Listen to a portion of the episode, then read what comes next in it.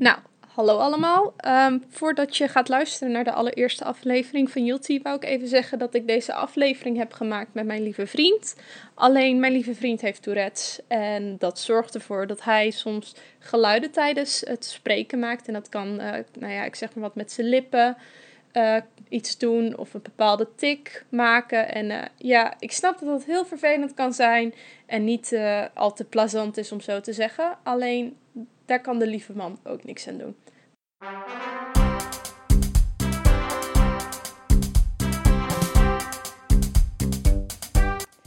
Hallo allemaal en welkom bij de allereerste aflevering van Yulti. Hiernaast zit mij Dylan. Ehm, nou ja, dit is de allereerste aflevering, dus eh, we gaan even ons introduceren eh, en met jullie, nou ja, met ons kennis laten maken, om zo te zeggen. Aangezien eh, sommigen ons misschien niet zullen kennen of eh, weten wie wij zijn.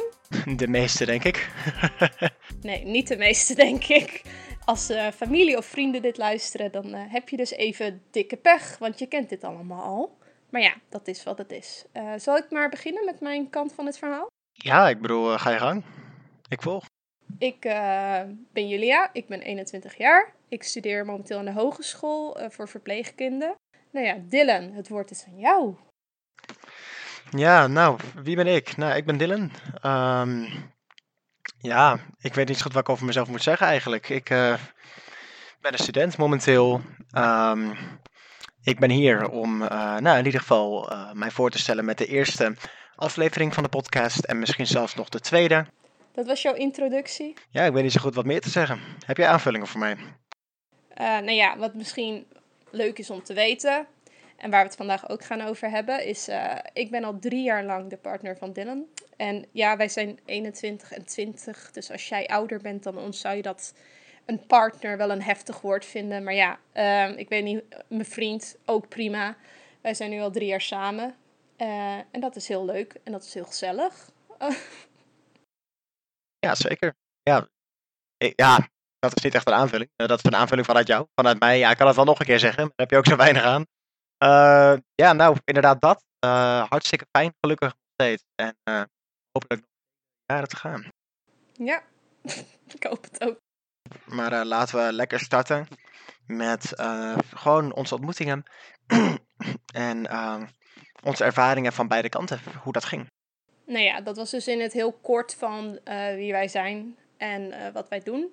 Eh, misschien is het leuk om te vertellen hoe onze relatie tot stand is gekomen. Dat is een soort van filmverhaal. En ik beloof het je, dit is daadwerkelijk gebeurd. Ik heb dit niet verzonnen. Ehm, maar ja, het begon allemaal toen ik mijn eerste jaar student was. En ik ging voor het eerst stage lopen.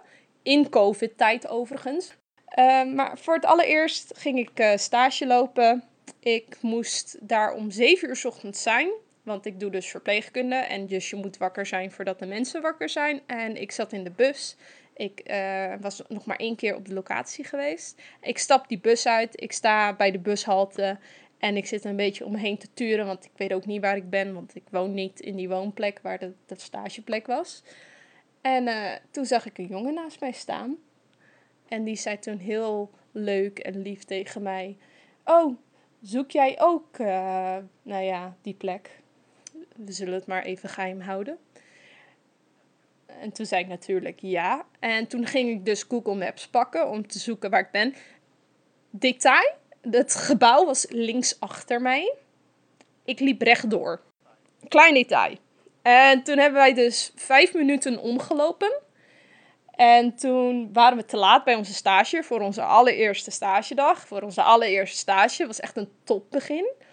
En ik ging uh, stage lopen trouwens op een uh, PG-afdeling. Voor de mensen die dat niet weten, dat is een afdeling waarbij mensen die dementie hebben... Uh, niet meer zelfstandig kunnen wonen en daarbij zorg ontvangen in een woonlocatie van verpleegkundigen, verzorgenden enzovoort.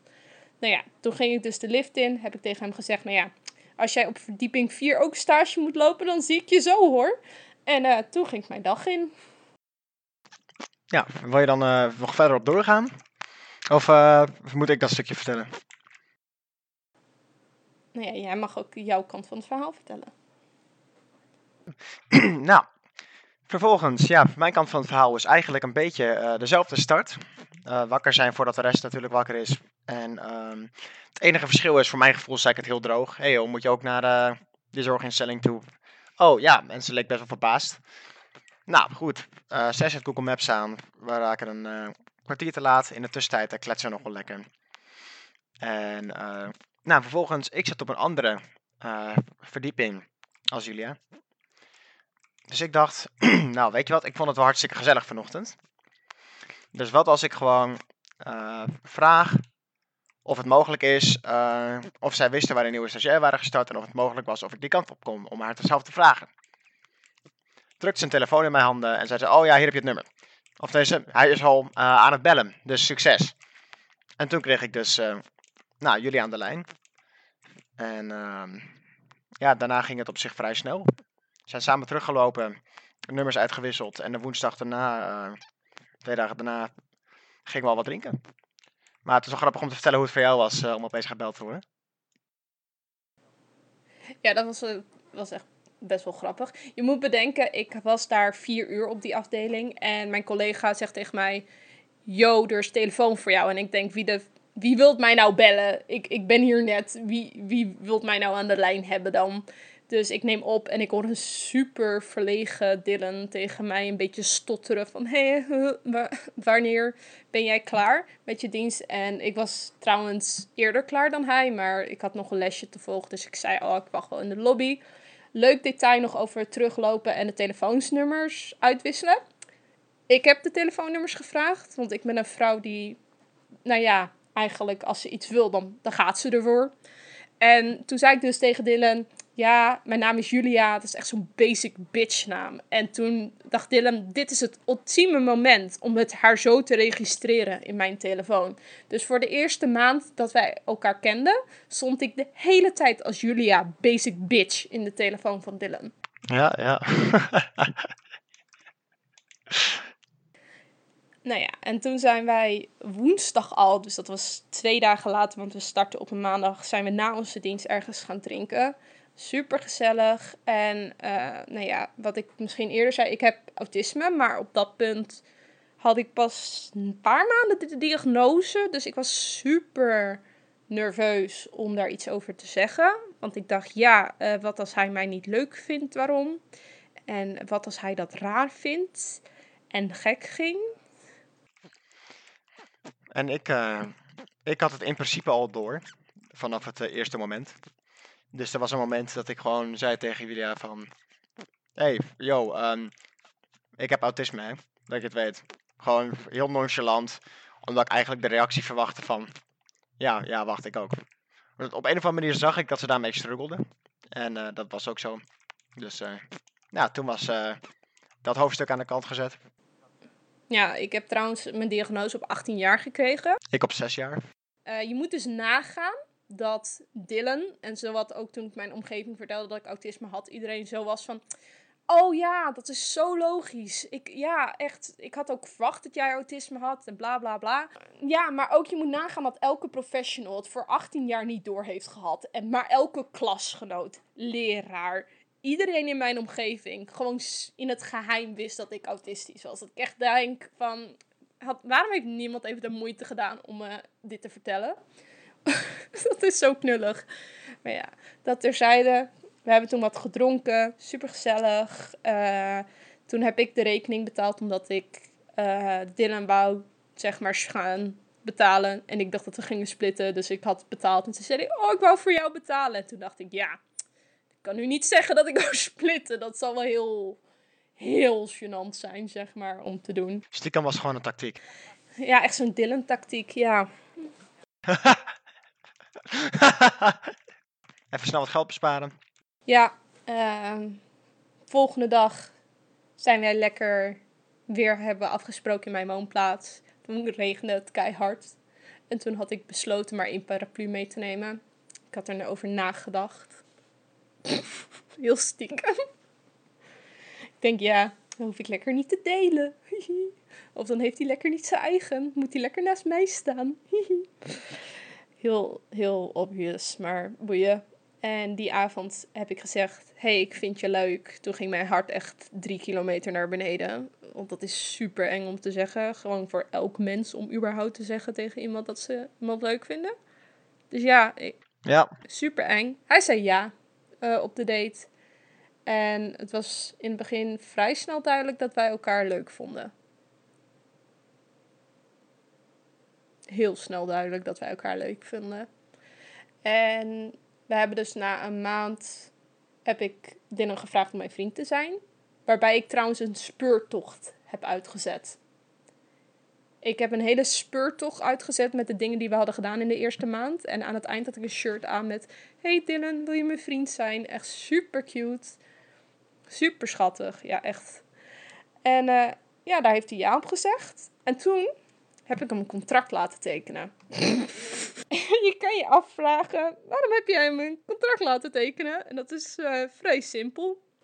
Mijn ouders zeiden dat het zo duidelijk was dat we elkaar leuk vonden, kon, konden we net zo goed een contract tekenen. Ik heb dat letterlijk opgenomen en ik heb een contract opgesteld, die hij overigens ondertekend heeft.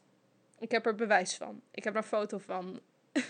en daar staan wat voorwaarden in. Ja, die worden al niet meer uh, gehanteerd, maar...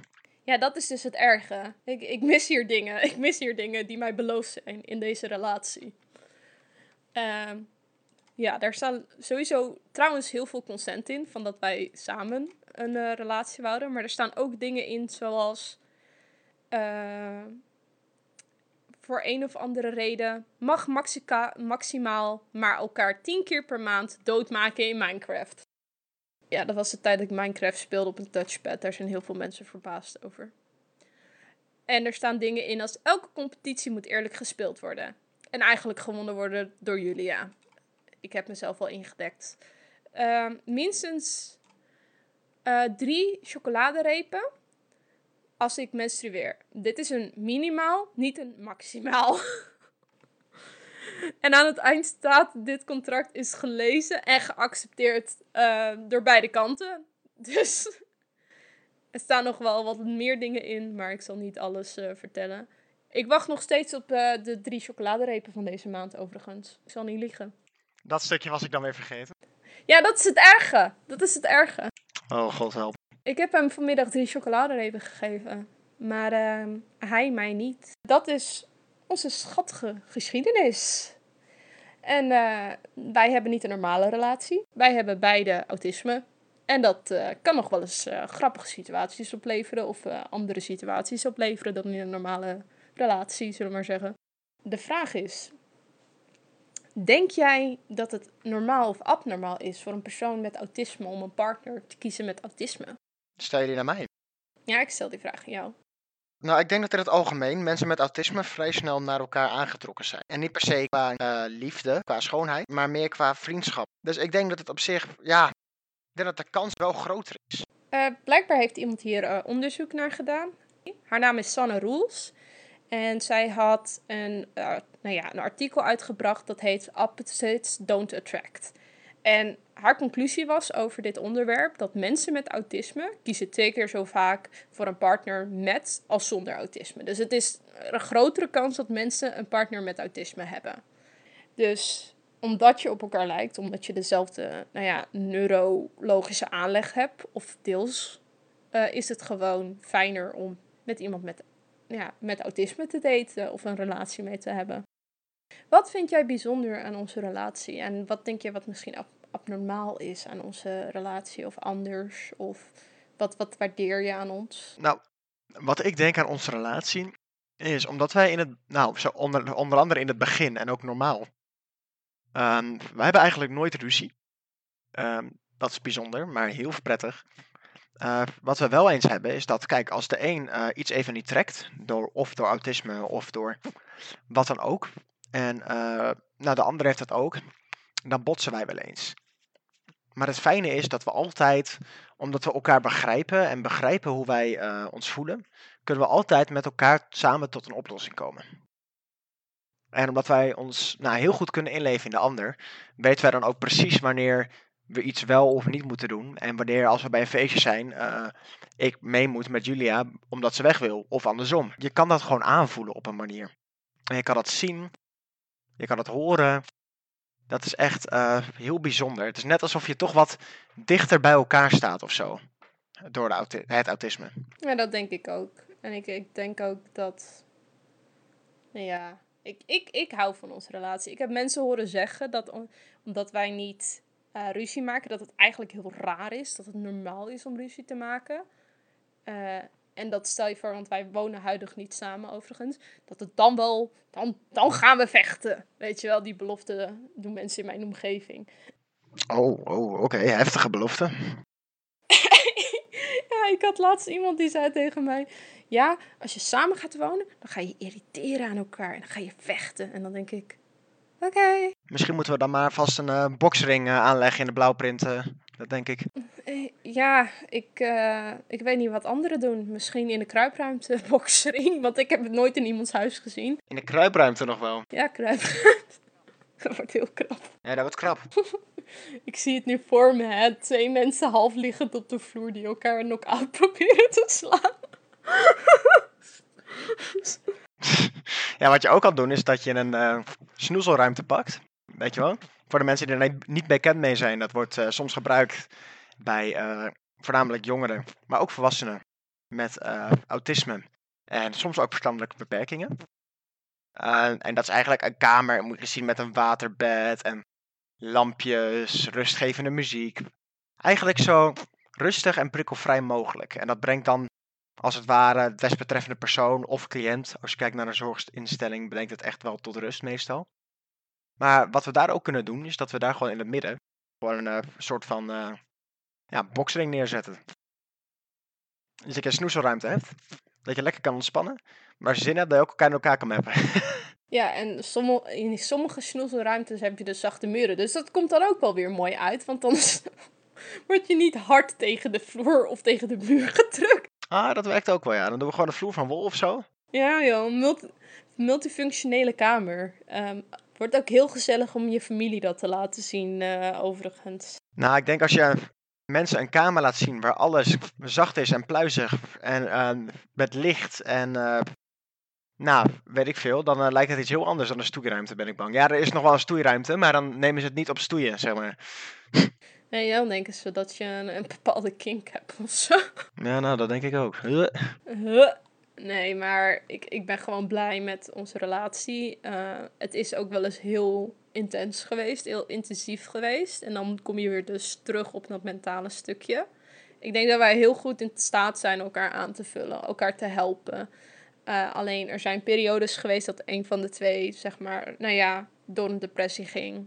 Of door een burn-out ging. En dan eist dat best wel veel van de ander. Omdat dat, het is niet dat je even een dag rot voelt. Het is maanden aan maanden dat iemand zich rot voelt. Ja, dus uh, voornamelijk met een depressie is het heel lastig. Omdat het enige wat je eigenlijk kan doen, is een beetje comfort hebben en voor de rest toekijken.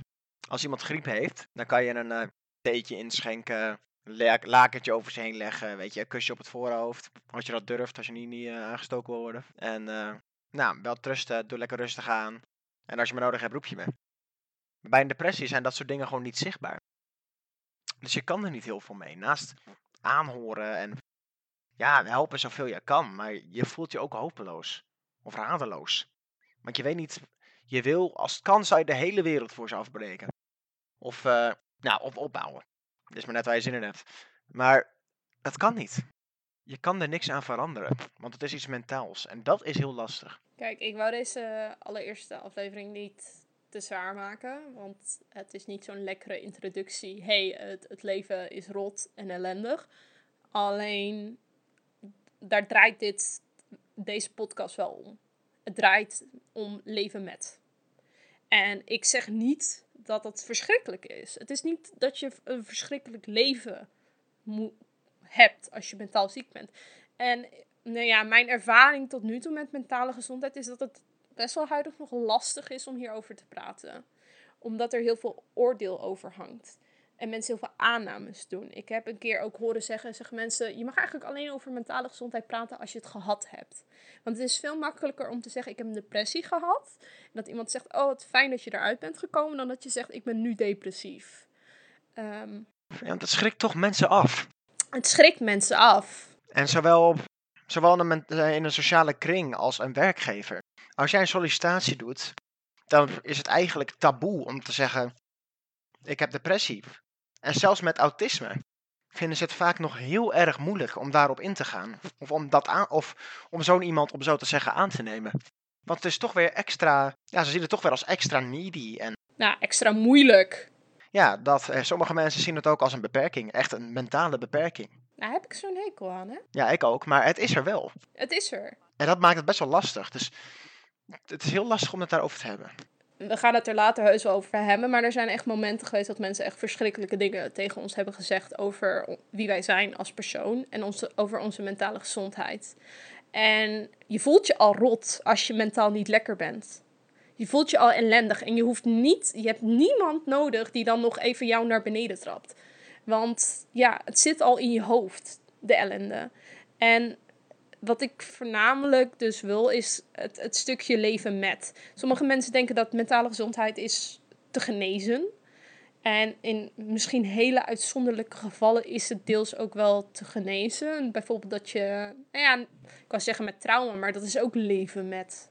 Leven met die situatie. Ehm, maar ja, ik wil gewoon dat we een beetje weer normaal doen over mentale gezondheid. Oh, wacht, dat is nooit geweest dat we normaal daarover doen. Maar ik hoop dat er een toekomst is waarbij we het erover kunnen hebben. En waar mensen niet bang zijn voor anderen. Waarbij de kennis, zeg maar, groter is over dit soort onderwerpen. En de ruimte er is om erover te praten. Want het helpt echt enorm als je gewoon iemand accepteert.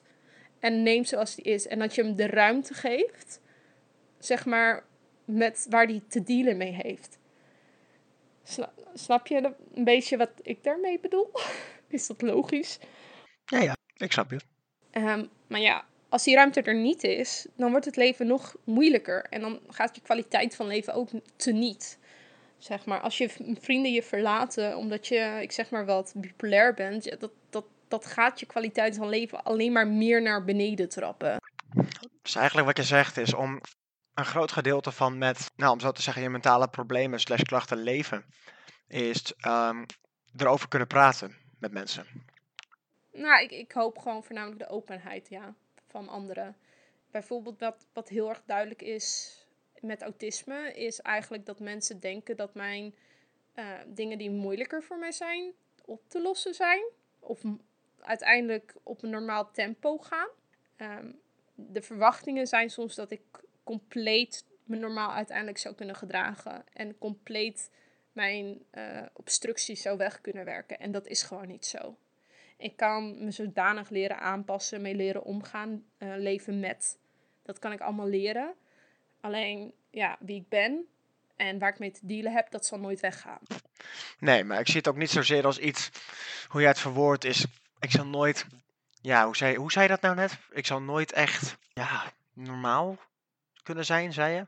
Nou, ik, ik, ik, ik ben zoals ik ben, maar dat is niet makkelijk. Ja, zo zie ik het dus ook. Kijk, er is een verschil tussen jezelf zijn en sociaal-maatschappelijk acceptabel zijn. Mensen willen vaak het tweede, maar het eerste is helemaal prima. Je moet niet jezelf al helemaal niet, kijk, als je in de zorg werkt, eh, zoals ik heb gedaan en Julia doet, is het sowieso al met je cliënten is het niet van toepassing om je voor te doen als je anders bent. Want al helemaal mentaal eh, verstandelijk beperkte cliënten prikken daar zo doorheen. Maar ook in het algemeen is het gewoon heel belangrijk om jezelf te zijn. En ik denk dat dat een van de dingen is die je echt als persoon en ook als eh, nou, luisteraar ehm, kan meenemen en in je broekzak kan steken. En ik zeg niet dat het makkelijk is, maar wees jezelf. Probeer niet te judgen of nou, te oordelen over wat anderen van jou vinden. Want het maakt het leven zo veel makkelijker en prettiger als je niet eh, nou, mentaal eh, gesloopt wordt door de oordelen en meningen van anderen. Maar als je gewoon bij jezelf kan denken van,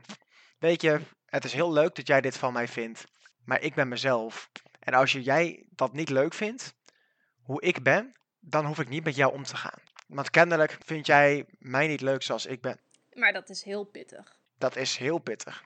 Ik heb er heel lang over gedaan om dat punt in mijzelf te vinden. Omdat ik, omdat ik zoveel meningen heb gehad en zoveel personen heb gehad. die eigenlijk op mij drukken van dat ik niet goed was. En dat, dat stemmetje is blijven hangen. En ik ging hem geloven als persoon. Dus het heeft heel veel moeite en tijd gekost dat zeg maar terug te draaien. En ik zeg, kijk, stel je voor je luistert naar dit en je bent nu niet op een punt dat dit mogelijk voor jou is.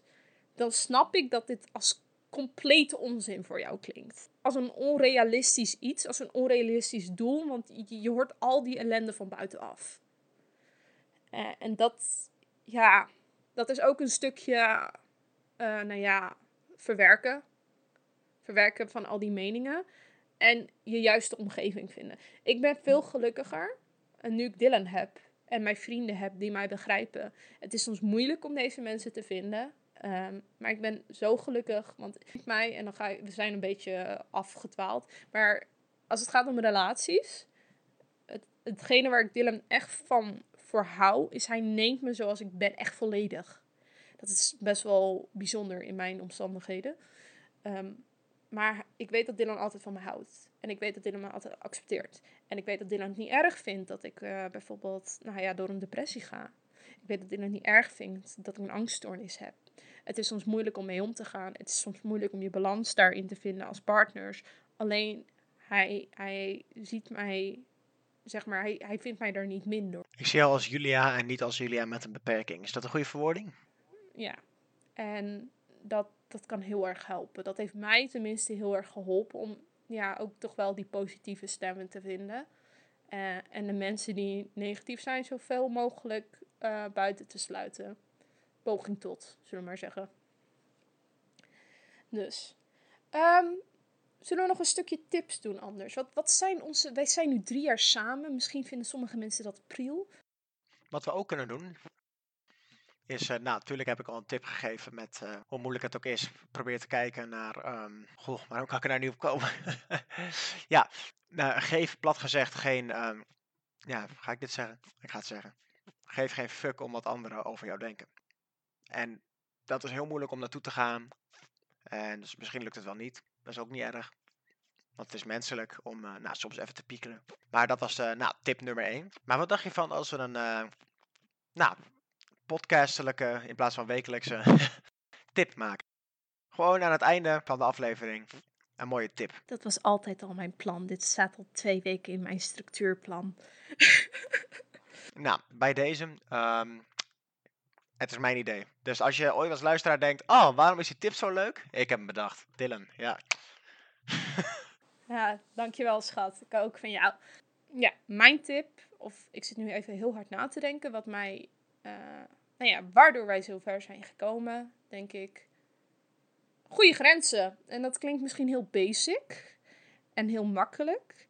Alleen, um, nou ja, wij konden best wel wat van elkaar drainen. Als ik bijvoorbeeld uh, drie keer per dag een paniekaanval heb, een week lang, twee weken lang, uh, dan ga je niet lang, redden als partner om daarmee te helpen. En dan is het belangrijk om je grens aan te geven. En zeggen, yo schat, ik hou van je, maar dit trek ik niet. Uh, ik hou niet minder van je. Ja, ik heb dat gedaan door op een gegeven moment te zeggen tegen een goede maat van ons van, hey, ik had met hem besproken, ik zeg, hey, ik trek dit gewoon even niet. Ik kan dat even niet meer hebben. En ik hou zielsveel van haar. Maar eh, ik ga je zelf aan te doen. En toen heeft ze voor een tijdje met die persoon kunnen praten wanneer ze een paniekaanval had. Of angstaanval. En dat is, ja, gewoon heel, heel lastig om te doen en heel kut. Want je hebt het gevoel alsof je faalt als partner. Omdat je niet 24-7 voor diegene er kan zijn. Maar ook dat is wat je heel sterk kan maken. Zowel als stel, maar ook als individu. Dat je je eigen grenzen kent en niet doorpusht als je eigenlijk niet meer kan. En kijk, goh, als je voor een examen zit en je moet studeren en uh, je moet echt nog leren, maar je bent moe en je wil eigenlijk gamen, dus je kan echt niet meer, dan is het een ander verhaal. Kijk, ik ben zelf ook een gamer, dus uh, ik game ook veel liever dan ik studeer. Maar dan is het een ander soort uh, doorzetten terwijl je eigenlijk echt niet meer kan. Maar als je echt merkt, ik ga hier aan ten onder. En is het met je partner helpen of met een goede vriend helpen of nou, noem maar wat. Stel, uh, je vader, elke dag als je thuis komt, valt je vader, uh, nou, je soort van uh, aan met woorden van: hey, ik heb een kutdag gehad op werk, ik wil je niet zien. En de rest van de dag ga ik op de bank zitten en bier drinken. Yo, ga maar naar boven dan is het belangrijk om ook dan eigenlijk te denken bij jezelf van, hé, hey, dit gaat nu al zo vaak door en eigenlijk voel ik me heel naar van, ik trek dit niet. En om het gesprek aan te gaan. En nou is dat in zo'n situatie is het misschien wel heel moeilijk hoor, maar je snapt mijn punt. Nou ja, grenzen stellen, dat, dat is, ik denk dat dat heel belangrijk en gezond is. Uh, voor sommige people pleasers heel moeilijk. Ik ben mijn hele leven al een people pleaser geweest. En ik doe het nog steeds heel graag hoor. Als ik uh, confrontatie uit de weg kan gaan door uh, nou, iemand te pleasen, dan uh, doe ik dat ontzettend graag. Of toch een klein leugentje voor eigen best wil, zodat ik er makkelijk tussendoor fiets. En nee, dit is geen uitnodiging. ik ben niet een people. Ik ga jou niet people pleasen om nog een squishmallow voor jou te kopen, Julia. Maar goed geprobeerd. ik, ik poogde het niet, hè. Dit, dit, dit was geheel je eigen idee. Nee, maar ik denk, ik zeg het vast voor de zekerheid, weet je wel. heb jij nog een aparte tip? Een aparte tip? Nou, naast degene die ik heb gegeven. Laat me even denken. Nou, mijn tip is: uh, eet volkorenbrood en niet wit. Want is goed voor je stoelgang. Oké, ik dacht een relatietip. Nou, ik heb nog een klein beetje uitzoekwerk gedaan voor de, degene waarvan dat voor belang is. Want ik denk dat het ook belangrijk is. Ik heb bepaalde ervaringen nu uh, in het systeem. Um, en dat is bijvoorbeeld, uh, er is een organisatie genaamd MEE. Daar kom je vaak in mee contact als jij een hulpvraag legt bij je gemeente en je gemeente mensen daar niet uitkomen. En zij uh, helpen mensen de juiste hulp zoeken. Hoe heet het? Ik heb er nog nooit van gehoord. Uh, dat heet MEE. M-E-E-E. -E -E. Nou, ik, ik wel. En daarnaast MEE en bepaalde GGZ-instellingen in jouw omgeving kunnen cursussen geven voor partners en van volwassenen die autisme hebben of een vermoeden dat hun partner autisme heeft. Daarnaast, voor, stel je voor, je hebt een partner met autisme, je hebt geen autisme of je vindt het toch lastig, maakt niet uit. En je zit met je handen in het haar en denkt: Oh, hel, wat moet ik doen? Je hebt de NVA, dat heet de Nederlandse Vereniging uh, voor Autisme.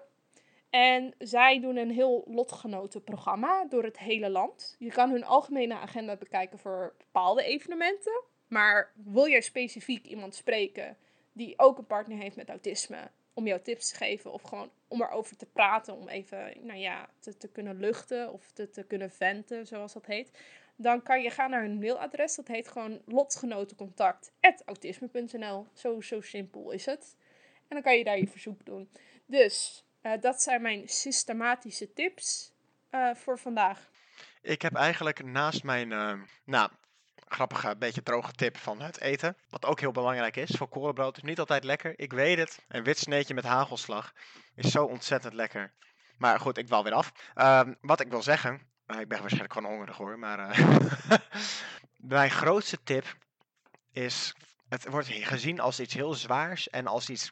Nou, soms wel maatschappelijk onacceptabel. Omdat het toch een zwakte is. Voornamelijk bij mannen. Maar het is het echt niet. Zoek hulp. Zoek therapie. Als jij er zelf niet uitkomt en je wil niet. Nou, en het is iets waar je gewoon niet met vrienden uit kan komen. Of niet met vrienden uit wil komen. Of je zit in de puberteit en je wil het gewoon niet met je ouders hebben over het feit dat je. Nou, gedachten hebt die uh, heel onprettig zijn en die je angstig laten voelen. Laat ik het maar zo zeggen. Dan is het zo ontzettend belangrijk dat je met iemand praat. Echt, echt heel belangrijk. En er zijn gigantische wachtlijsten op de Nederlandse jeugdzorg. En ook op de normale zorg. Maar ook met iemand op school zou je kunnen praten. Of om, weet ik veel, je zus, je oom, tante, je, je oma, je opa, je, je hond. Hij kan alleen niet terugpraten. Maar je kan met zoveel mogelijk, of iedereen die je eigenlijk wel kan bedenken, die je erg vertrouwt, kan je dat soort dingen neerleggen. Want echte vrienden en echte familieleden en mensen die er voor je zijn, die zullen echt niet raar opkijken als je je gedachten naar ze uitspreekt. Ze zullen eerder voor je willen zorgen en er voor je willen zijn. En als er iemand achter je staat en iemand met jou meedenkt en iemand, nou, ik noem het even met jouw lijdensweg eigenlijk uh, helpt in zo'n periode, dan kan dat echt heel veel comfort bieden.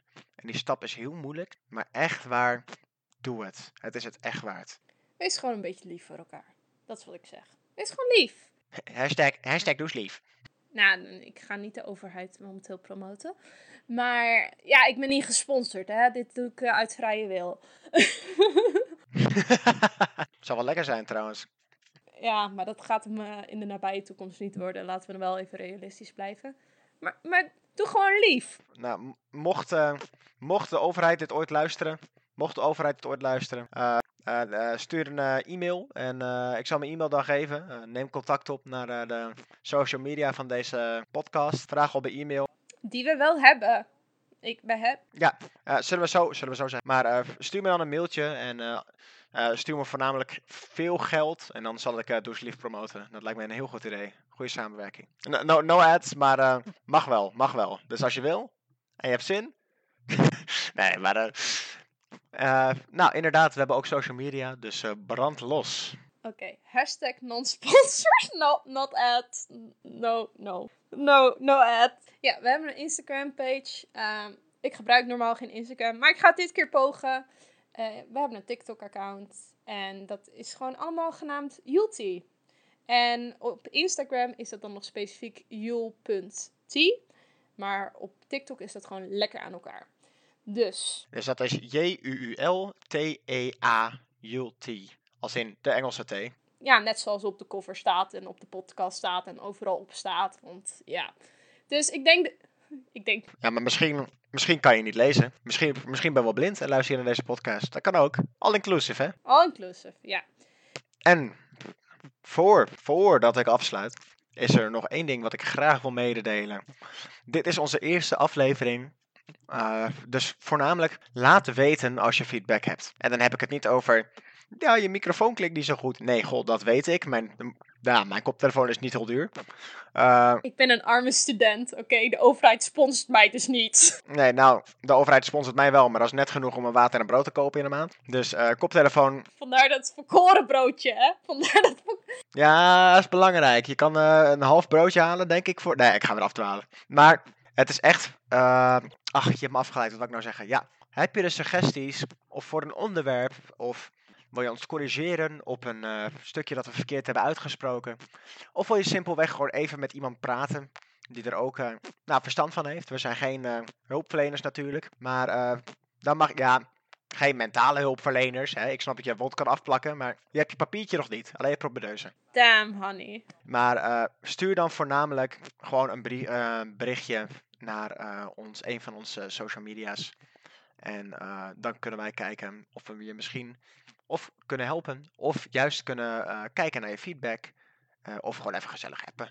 Laat vooral weten. Ja, nou ja, ik kan niet garanderen dat ik op iedereen reageer, aangezien ik denk niet dat veel mensen dit gaan horen. Eh, maar je weet maar nooit. Je kan je verhaal voorleggen. Ik ben altijd zeer benieuwd en daar, daar heb ik dit ook voor gemaakt. Is ik wil altijd de, de, het podium en de ruimte geven voor mensen die gewoon echt een interessant persoonlijk verhaal hebben. Die echt bijzondere dingen hebben meegemaakt, eh, bijzondere obstakels hebben gehad in het leven. Ik wil graag van jou horen. Ik denk dat je er bent. Ik denk dat je misschien in stilte er bent. Je mag er ook anoniem zijn. Je mag een verhaal schrijven. Is allemaal welkom. Alleen, ehm, nou ja, je, je mag van je laten horen. En mijn allerlaatste bericht is: je bent goed zoals je bent. Het klinkt heel cheesy, maar het is zo. Ah, dankjewel. Ja, ja, ik doe het toch. ja, daar, daar heb ik vier jaar voor gestudeerd. Ja, dat is afgestudeerd hoor. Nee, nee. Jammer. Nee, ze, ze heeft nu gezegd, nu, nu heeft ze dat ding gezegd waar ze is afgestudeerd. In één keer diploma. Hop. Ja, nou, mocht het dromen. Ik hoop niet dat mijn docent dit hoort. Ehm, in het geval dat, alsjeblieft, geef mij een goede beoordeling. Ik doe hard mijn best hiervoor, oké? Please. nee, Ehm, alle gekheid op een stokje. Ik wens jullie allemaal een hele fijne tijd tegemoet. En ehm, tot de volgende keer. Maar weer, hè? Nou, doei! Yes. Hey, doeg.